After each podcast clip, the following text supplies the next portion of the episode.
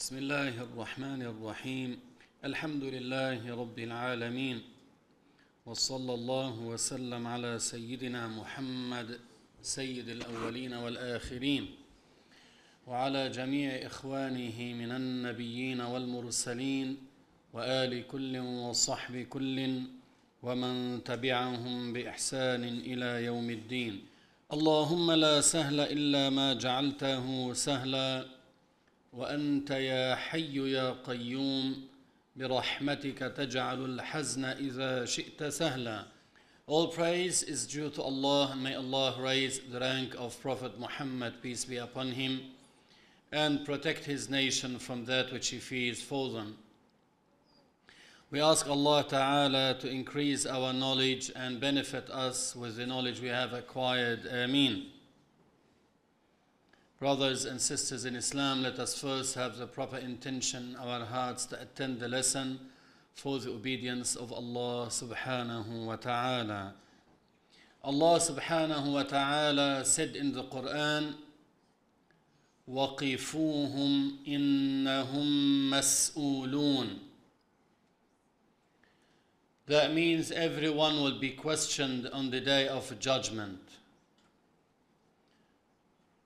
On doomsday, when everyone will be resurrected and assembled, and his judgment won't finish until he is questioned about certain matters.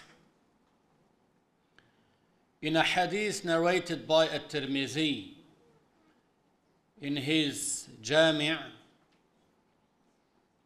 that the Prophet sallallahu alaihi wasallam said لا تزول قدما عبد يوم القيامة حتى يسأل عن أربع meaning one's judgment won't finish on the day of judgment until one is questioned about four matters عن عمره فيما أفناه he will be questioned about his lifespan how did he spend it did he spend his lifespan in acts of obedience or acts of disobedience if he was amongst those who spent their lifespan in acts of obedience will be a winner on the day of judgment otherwise he will be a loser وعن جسده فيما أبلاه the second one he will be questioned about is his body how did he wear it out how did he use his body in this life? Did he wear out his body in acts of obedience, obeying Allah, praying, fasting, and the like? Or did he wear out his body in acts of disobedience? Again, if he was amongst those who have worn out their bodies in acts of obedience, will be a winner on the day of judgment otherwise he will be a loser. وعن علمه ماذا عمل به He will be questioned about the knowledge of the religion. Did he acquire the obligatory knowledge? Did he implement that knowledge he had acquired? He will be questioned about all these matters. There is a portion of the knowledge of the religion that every accountable person must acquire. And we call this portion the personal obligatory knowledge. If your father knows it, it doesn't mean you don't have to know it. You still have to know it. If your mother knows it, you still have to know it. Every accountable person must acquire that portion of the knowledge of the religion that is called the personal obligatory knowledge. Due to its importance, in order for one's acts of worship to be performed properly. And the last one is about his money. How did he collect his money and how did he spend it? People regarding money are of three categories. Two are losers and one is a winner. The two losers are first, the one who obtained his money from haram source. So even if he were to spend that money in halal things, he's still a loser for acquiring the money from haram source. The second one is the one who acquired his money from halal source, however, he spent them in haram. Like he spent his money on gambling, drinking alcohol, committing fornication, taking drugs, and the like. So he acquired his money from halal source, but he spent his money in haram. This person will be a loser as well. The winner regarding money is the one who acquired his money from halal and spent it in halal. That's the one who will be a winner and safe on the day of judgment. Without that personal obligatory knowledge, how would one be able to know what are the obligations that Allah subhanahu wa ta'ala ordained upon him?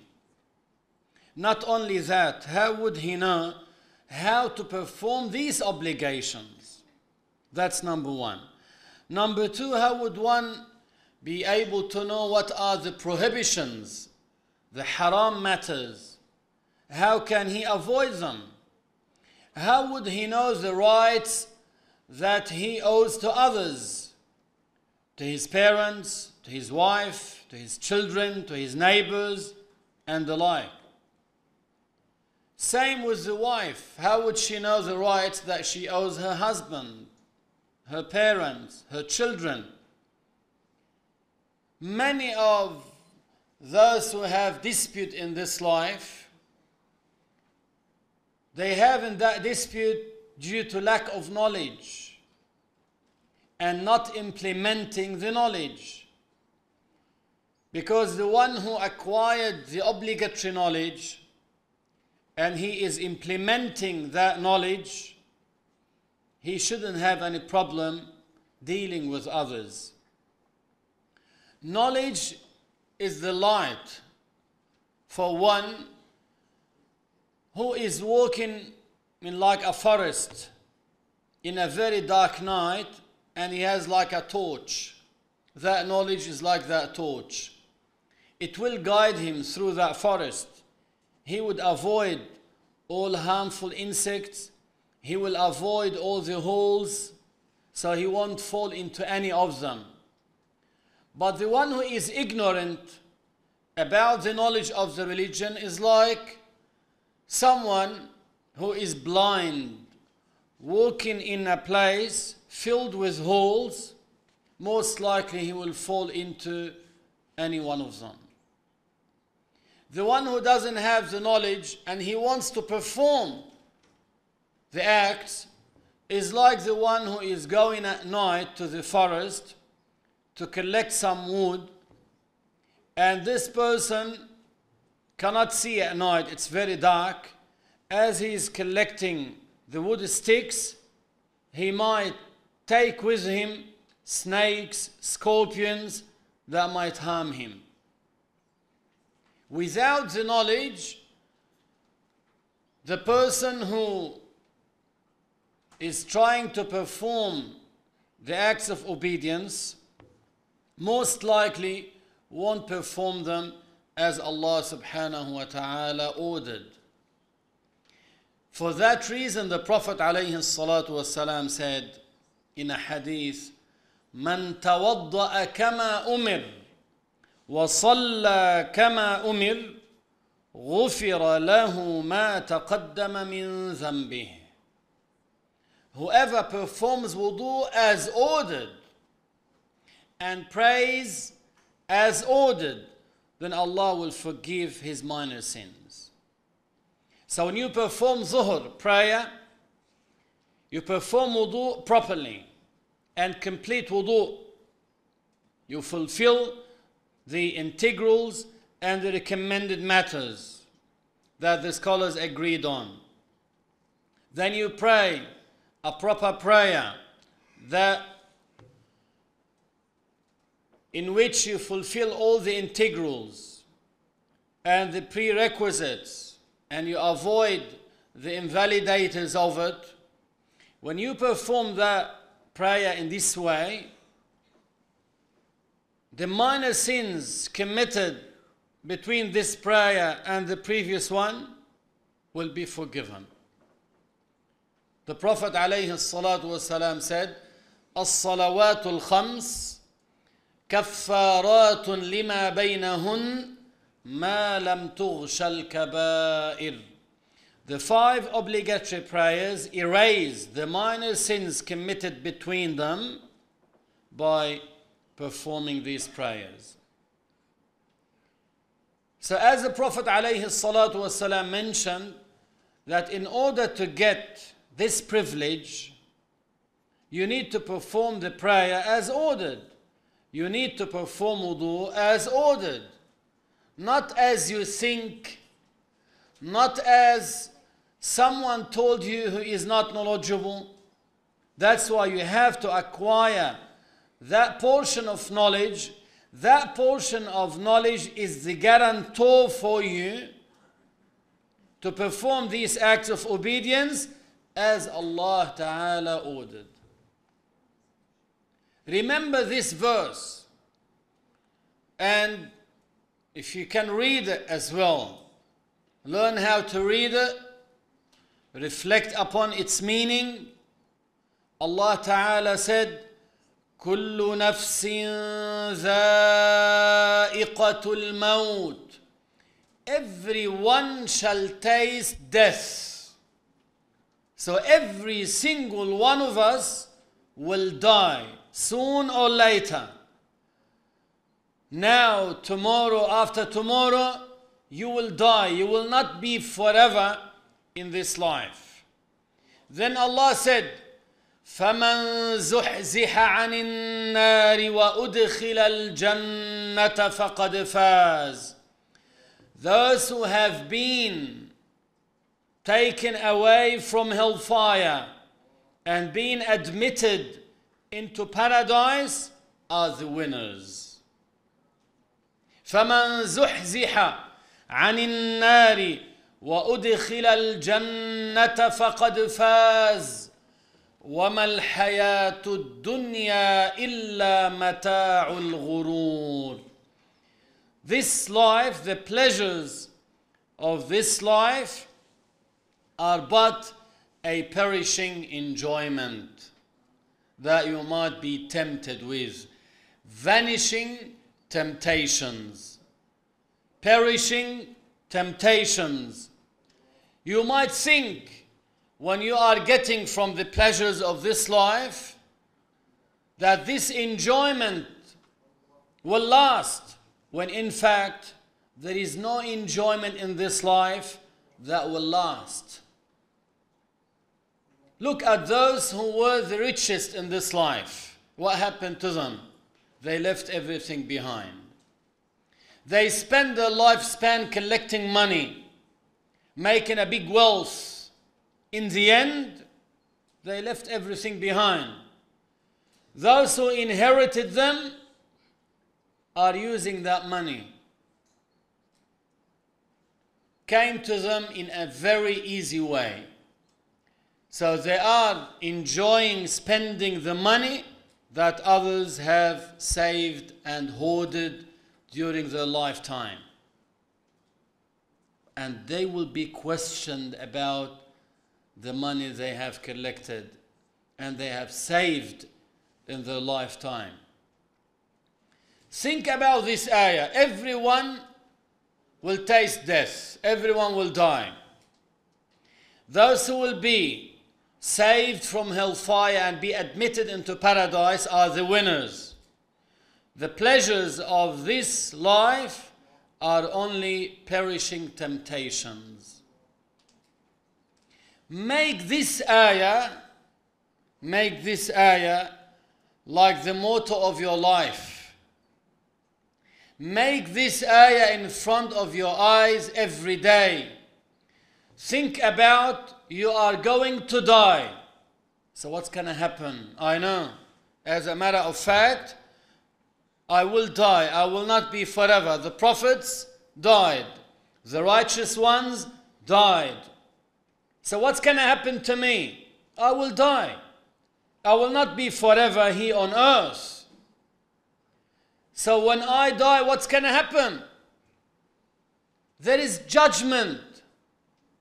And based on my deeds, I'll be either a winner or a loser on that day. Who is the winner on that day? The one who is saved from hellfire and is admitted into paradise without prior torture. That's the winner. فَمَنْ زُحْزِحَ عَنِ النَّارِ He's taken away from hellfire and be admitted into paradise. فَقَدْ فَازَ That's the one who truly won. So, how can you be saved from hellfire and be admitted into paradise? By performing the obligations and avoiding the sins. How can you perform the obligations if you don't know what the obligations are? If you don't know how to perform these obligations, how would you be able to perform them as Allah ordered? It's not enough to copy others, see what they're doing, and you try to imitate them and copy them. Because there are deeds that are classified from the deeds of the heart. How would you know what they have placed in their heart upon doing such and such? So you need to learn what the obligations are. How can I perform these obligations? You need to learn what are the prohibitions and you need to avoid them. In that way, you will be a pious person who is fulfilling all the obligations and avoiding all the prohibitions. So you are going to die. Remember this every night before you go to sleep. I will die.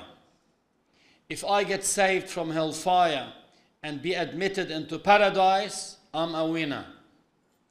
In order to be saved from hellfire and be admitted into paradise without prior torture, I have to perform the obligations and avoid the sins. In order to avoid the sins and perform the obligations, I have to learn and implement that knowledge so I perform all these obligations and I avoid all these prohibitions. Then think about the fourth thing. Yourself tends to have a rest. We tend, we tend to have a rest we incline to having fun, resting, sleeping as many hours as we can, wasting our time. The self tends to this, inclines to this. All these are temptations of this world. And these temptations are perishing temptations. So the enjoyments of this life will not last. They will vanish quickly. When you think about these matters, then you plan your life around these pillars and principles in your life. Once the Prophet ﷺ was in his house, the house of the Prophet ﷺ is adjacent to his mosque. At his time, he had a curtain he only had to move that curtain and he can see who is inside the mosque. One day, as narrated by At-Tirmidhi, the Prophet ﷺ heard a group of companions talking and they seemed to be laughing. Not loud, in a loud laughter, no. But they seemed laughing. The Prophet moved the curtain and he said to them, If you know what I know, you have laughed a bit and cried a lot. Mention death frequently. For mentioning death frequently will sever the pleasures of this life. When you think about death, if you think about death frequently, you won't be in that situation because you reflect upon after death, life after death. Have you ever thought of the first night you're going to spend in your grave? Have you ever thought about sleeping, waking up not in your bed, but in the grave, with the slabs on top of you, with the two angels coming to you, Munkar and Nakir, to question you? Have you ever thought about that moment? Every time you leave your house, there is no guarantee you are going to come back. How many people left their houses and never came back? And they have been called their relatives. Your husband had a car accident, he passed away, he's in this hospital. Your son passed away, he is in that hospital. How many of that happen? So every time you step outside the, your house, there is no guarantee you're going to come back. Every time you go to sleep, there is no guarantee you're going to wake up. And you want to be tempted by the pleasures of this life, by the enjoyment of this life, the perishing ones. You know they won't last, they are not forever, and they vanish quickly you know this. We all know this. But it's what we call al-ghafla. We get oblivious. You know what oblivious means? We overlook these matters. We know they are facts. But we overlook them. We don't want to think about them. They are in front of our eyes, but we don't want to think about them. We know we are going to die, but we try to avoid this fact. You cannot avoid it. You see it every day, you hear about it every day. So the Prophet ﷺ said to the companions, Had you known what I know, you would have laughed a bit and cried a lot. He said, For every day passes on the grave, the grave talks the grave says, I'm the house of loneliness. I'm the house of discomfort. I'm the house of worms. I'm the house of tightness. When a righteous believer is buried, the grave will say to him, You have been amongst the most favored to me who walk on earth. And now, since you have been given to me, and now I'm in charge of you, I welcome you. And you will see what I'm going to do for you. Then the grave will be widened, will expand, so that person can find comfort and he will be receiving enjoyment in his grave. But if the non believer is buried, the grave will say to him, No welcome. You have been amongst the most hated to me who walk on earth. And since you are now be given to me, and I'm in charge of you, you will see what I'll be doing for you. then the grave will tighten on him until, as the Prophet said, his bones will go into each other. The right bones will go to the left, and the left bones will go to the right. He will be squashed in his grave. And 70 huge serpents will attack him. They blow fire.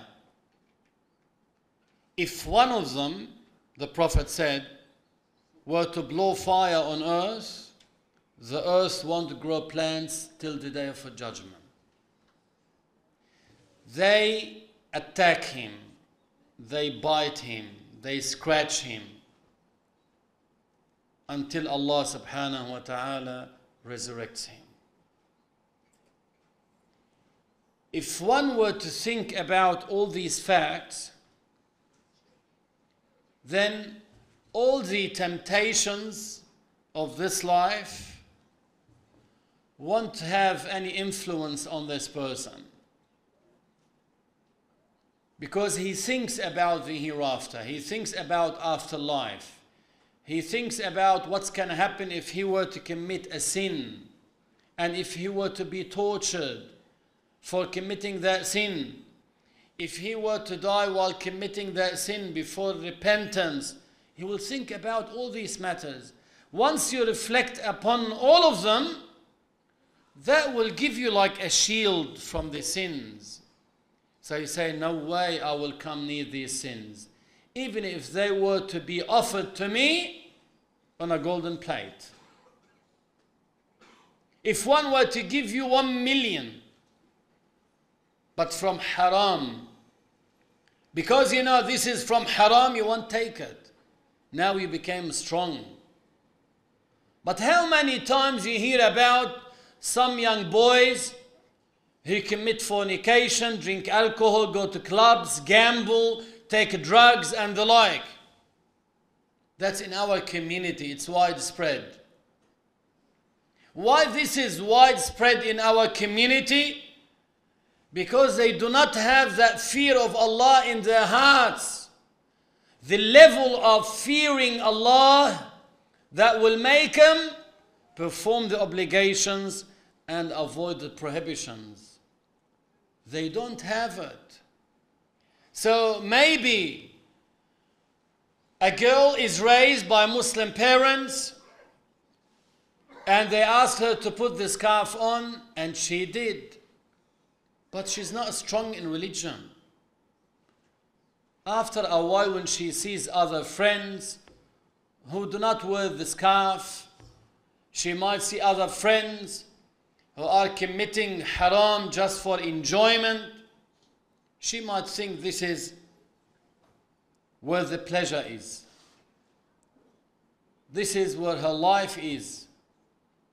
But this will not last. This will not last. This will eventually, soon or later, will perish. And the person will suddenly see himself facing death. He would regret, I wish I have done enough in my life for the hereafter. One of the righteous Muslims, you know, when we say a righteous Muslim, a wali, Allah mentioned in the Quran that those righteous Muslims will not be saddened, neither in their graves nor in the hereafter. They will never be saddened. From the moment the angel of death approaches them, the angel of death will give them the good tidings by saying, Receive the good tidings, O Wali Allah,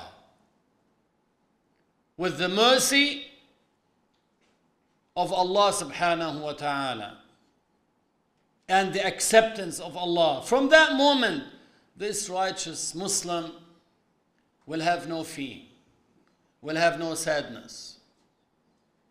And at that moment, he would be rushing to die.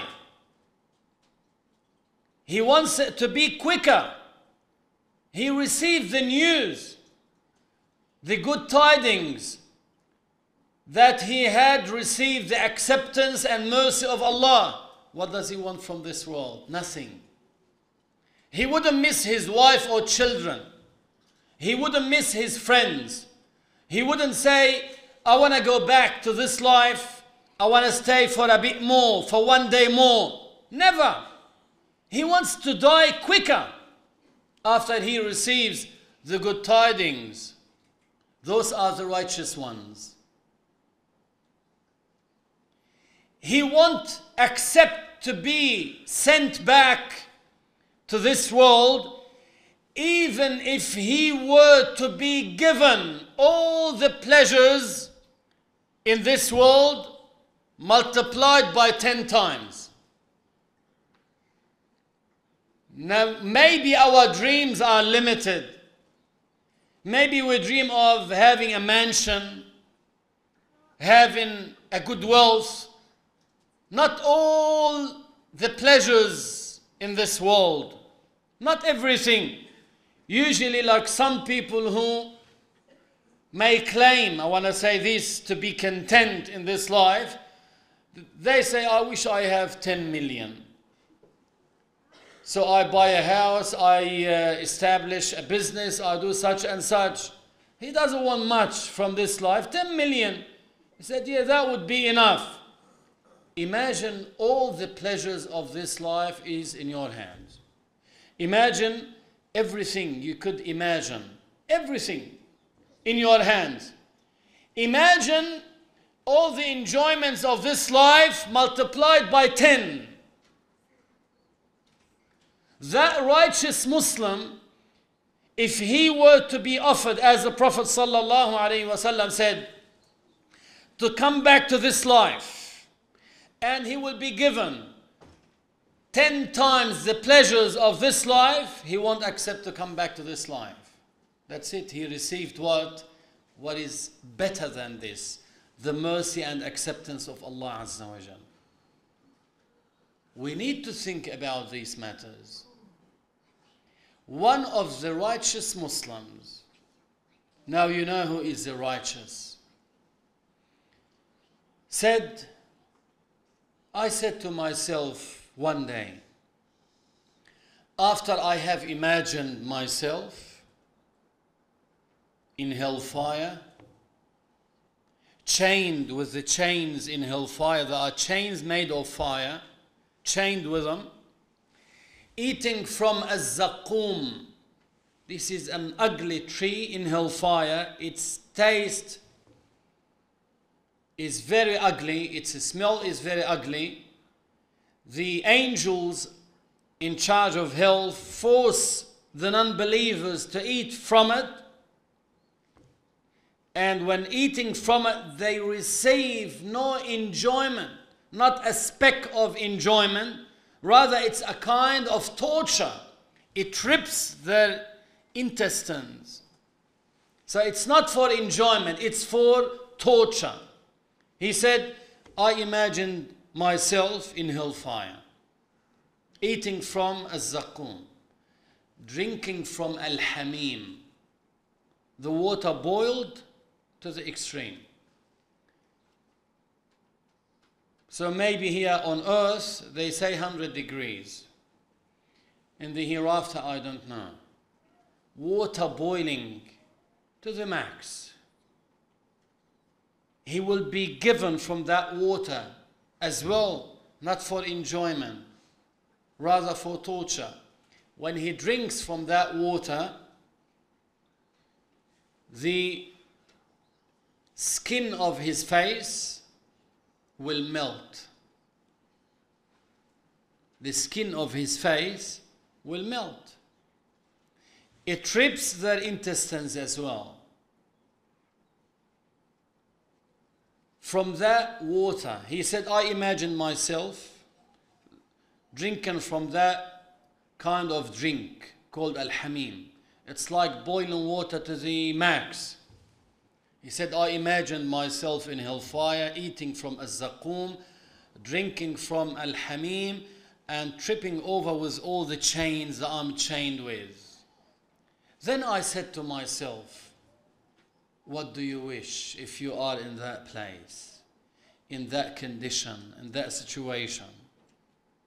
The answer came I would wish to come back to this world so I can work and prepare myself for the hereafter. Then that righteous Muslim said, You are in your wish. So start preparing yourself for the hereafter. Imagine if you are in hellfire, you are getting tortured, getting burnt. What would you wish? You wish to come back to this life. But there's no return. You know, it's only one chance, one opportunity. Allah Ta'ala said in the Quran about the non-believers, حتى إذا جاء أحدهم الموت قال رب ارجعون لعلي أعمل صالحا فيما تركت كلا إنها كلمة هو قائلها ومن ورائهم برزخ إلى يوم يبعثون حتى إذا جاء أحدهم الموت when death approaches one he would say oh Allah return me to this life. The angels are ready to take his soul out of his body that's it departure from this life with no return he would ask oh Allah I ask you to enable me to return to this life. So maybe I would perform righteous deeds. It will be said to him, No, it's just a word that you are saying. Meaning, even if they were to be sent back to this life, they will be tempted again. But there is no return. There is no return. There is a barrier once a person dies, there is a barrier between this life and the next. This person will be behind that barrier. He won't be able to come back to this life. Even if he were to wish. So it's only one opportunity one of us is given in this life. If you don't reflect upon all these facts, you will be tempted the devil will drag you. He knows thousands of ways how to drag one from being pious to being amongst the inhabitants of hellfire. Slowly, gradually. You maybe you know yourself, you're a practicing Muslim woman you have the scarf on, you pray, you fast. Yet the devil won't come to you straight away to take you from this stage to the worst stage. He tries, but usually he gradually pulls you towards the end. At the beginning, you might be saying, No, I'm very far from it. The devil cannot take me to that extreme. I know myself. That's what many say. But the devil will drag you slowly. Then you find yourself in the middle way, then more, then more, then more. Then when you become in that bad situation, in your worst situation, you find yourself unable to go back. You find it difficult because the devil dragged you and now he's making it hard for you to think about even coming back until you die in a bad situation. When we think about all these matters, we get worried about ourselves. You need to be worried about yourself. Every day and night you need to think about this matter. Why, why do you think the Prophet said, mention death frequently? As it severs, severs, cut out. It severs the enjoyment of this life swiftly. One is enjoying, not thinking about death, not reflecting about afterlife, not thinking about all these matters. He's amidst his enjoyment, death may come to him and sever all these enjoyments he is having. It was mentioned that a blasphemer king was in his palace and he used to seek all kinds of enjoyment in his palace. And he knew that one day he will die. He saw death is like a person that he can prevent from coming. So he locked all the doors of the palace. He put two guards on the door of the palace. And he gave them the instructions not to let anyone in without his permission. One day, as he was enjoying in his palace, ladies around him drinking alcohol and the like, he saw someone approaching him, wearing white clothes, coming straight to him. He said to him, Who are you? And who gave you permission to come in? The angel of death said to him, I'm the one who does not seek permission to enter any house. I'm the angel of death. I have come to take your soul out of your body. Then he said to him, Give me chance. So maybe I can rectify my behavior. I can act in a good way. He said to him, It's too late. And as he was taking his soul out of his body, he said, Where you are taking me to? He said, I'm taking you to hellfire. That skins the skin of your face, melts the skin of your face. The angel of death may come to us at any time. Are we prepared? That's the question. Are we ready? Have we performed all the obligations? Some people might think, yeah, they pray five prayers, they miss out some, and they live oblivious in this life. They are content with the way they are. They are content. They do not perform all the prayers regularly. And they do not perform all the obligations regularly. They do not avoid all the prohibitions. And they are accepting their life in that way. Have they asked themselves that question? Am I saved in that way? What's going to happen to me on the day of judgment? What's going to happen to me in my grave? We need to think about all these matters. If you think about what the Prophet ﷺ mentioned, the hadith that I started with, that your judgment will not finish on the day of judgment unless you are questioned about these four matters. Your lifespan, how did you spend it? Your body, how did you wear it out? The knowledge of the religion? Did you acquire the portion that you are obligated to? And did you implement that knowledge about your money? Where did you get your money from? And how did you spend them? Ask yourself about all these matters. See where you are. See where you are. Evaluate yourself. Make what is called self assessment, self evaluation. Have you been better this week than last week? How many lessons did you attend this week?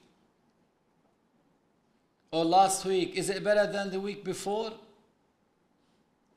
Are you planning to make this week better than the past week? You need to think about all these matters. If you don't think about them, you will be declining in your life. Day after day, even without realizing, you see yourself declining. But if you are working very hard to make your day better than your yesterday and your tomorrow better than today, you will be inclining. By the time you die, you'll be at your best state in your life, not the bottom one. The knowledge of the religion, especially the obligatory knowledge, when you hear it, when you listen to it many times, that will keep you attached to the religion. That will make you stronger. The most destructive weapon against devil is knowledge. How can you fight the devil? Not with a sword, not with a stick, not with other weapons, with knowledge. It was mentioned that one of the righteous Muslims called a Shaykh Abdul Qadir al Jilani. He is well known. He was at the time of Imam Ahmad al Rifa'i radiallahu anhu. Both were from the top righteous Muslims at that time in the 6th century. Sheikh Abdul Qadir al Jilani was once in his khalwa. Khalwa by himself. The righteous believers like to be by themselves in a room, in a place. Nothing will distract them from praying, making zikr. They want to dedicate that time without any distraction, any interruption from anyone. So they like to be by themselves at certain stages. They call this khalwa. He was in his khalwa. Iblis not a normal devil, Iblis himself approached him. He showed him a great illumination of light. He saw a great illumination of light all around, and he talked to him, Iblis, saying to him, O my slave Abdul Qadir, I am your Lord. You're no longer obligated to perform any of the obligations. And I have made all the sins permissible to you. Without blinking his eye, Sheikh Abdul Qadir al Jilani said to him, ya la'in. Then that, suddenly, that great illumination of light started fading away and it said in a low voice as it was fading away, O Abdul Qadir, you have defeated me by your knowledge. I have misguided 80 before you using this same way. By the knowledge he defeated him. How by the knowledge? First of all, he came as a great illumination of light, and Allah is the creator of the light. Allah is not light. Allah does not resemble the creations. The light is created by Allah, so Allah is not light. He came filling a space around him, and Allah subhanahu wa ta'ala is not a body to fill a place. Allah exists without a place. Allah is the creator of places. Allah exists without a place before and after creating the places because Allah does not need any of the creations. Third, he spoke to him with Arabic language. And Allah's kalam is not like our kalam. Allah's kalam is not made up of language, sounds, and letters. Fourth, he's telling him that you're no longer obligated to perform any of the obligations. And all the sins are now halal, permissible for you to do. This did not happen to Prophet Muhammad alayhi salatu. The most honored by Allah Azza wa Jal, the one with the highest status, the one with the highest status. This didn't happen to him. It would happen to Shaykh Abdul Qadir now. With his knowledge, he did not hesitate for a second that that was Satan, not Allah subhanahu wa ta'ala, who does not resemble the creations. So Iblis said to him, You have defeated me by your knowledge. I have misguided 80 before you using that way, using this method. The knowledge is the guard for you. The knowledge is the armor for you from the arrows of the devil, the shield for you. The knowledge is a protection for yourself from yourself. Because as I mentioned, and as Allah said in the Quran, إن النفس لأمارة بالسوء إلا ما رحم ربي. Usually, yourself requests what? The haram thing. Except for those highly accepted by Allah Azza wa Jal. But usually, every one of us inclines to do bad things. That's the fight. That's the struggle between you and yourself. The knowledge of the religion is a protection for yourself from yourself, is a protection for you from the devils, and is a protection for you from the human devils. There are human devils. And those at certain stages could be more dangerous than the devils themselves. He whispers to you as the devil. He tells you to commit haram, not to pray, not to perform the obligations, and he's trying to decorate the sins for you. That's a human devil. In the shape of a human being, but he is a devil. Stay away from these people. And look, people are dying at different ages. Last week, a girl died at the age of 10. You've heard about her, rahimahullah. May Allah grant her parents patience. Three weeks earlier, a lady died at the age of 30.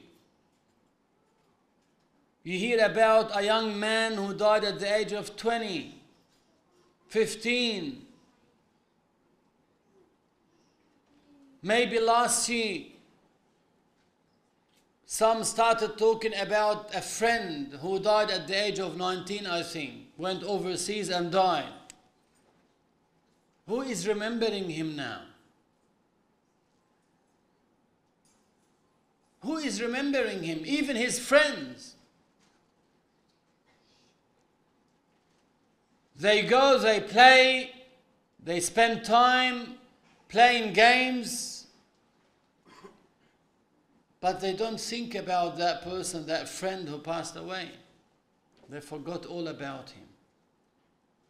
If they were to remember him every couple of years, maybe, they might say, Allah yarhamu. They might. Then they continue laughing. Continue their enjoyment. They won't sever their enjoyment. They won't interrupt it. Why are they doing this? Because the human being in Arabic is called insan. Do you know why he is called insan? Because he forgets.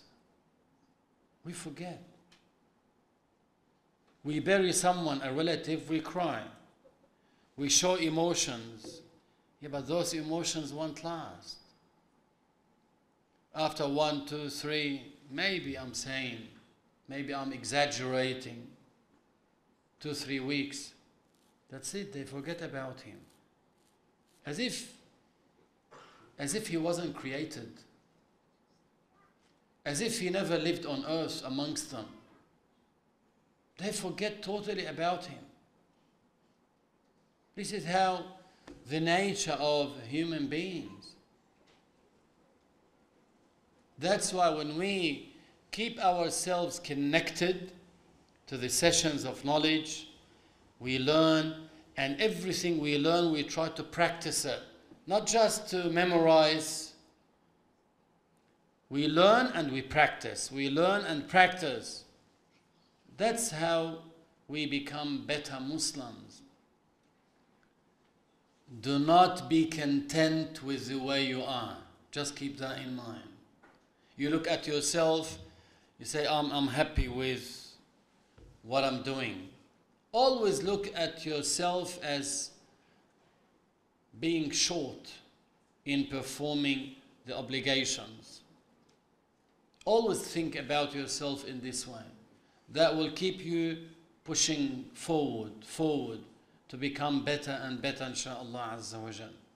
We ask Allah Ta'ala to increase our knowledge and make us amongst those who listen to the knowledge and reflect upon it and implement it. We ask Allah subhanahu wa ta'ala to grant us good ending and gather us on the day of judgment with the prophets and righteous Muslims. Ameen. And Allah subhanahu wa ta'ala knows best.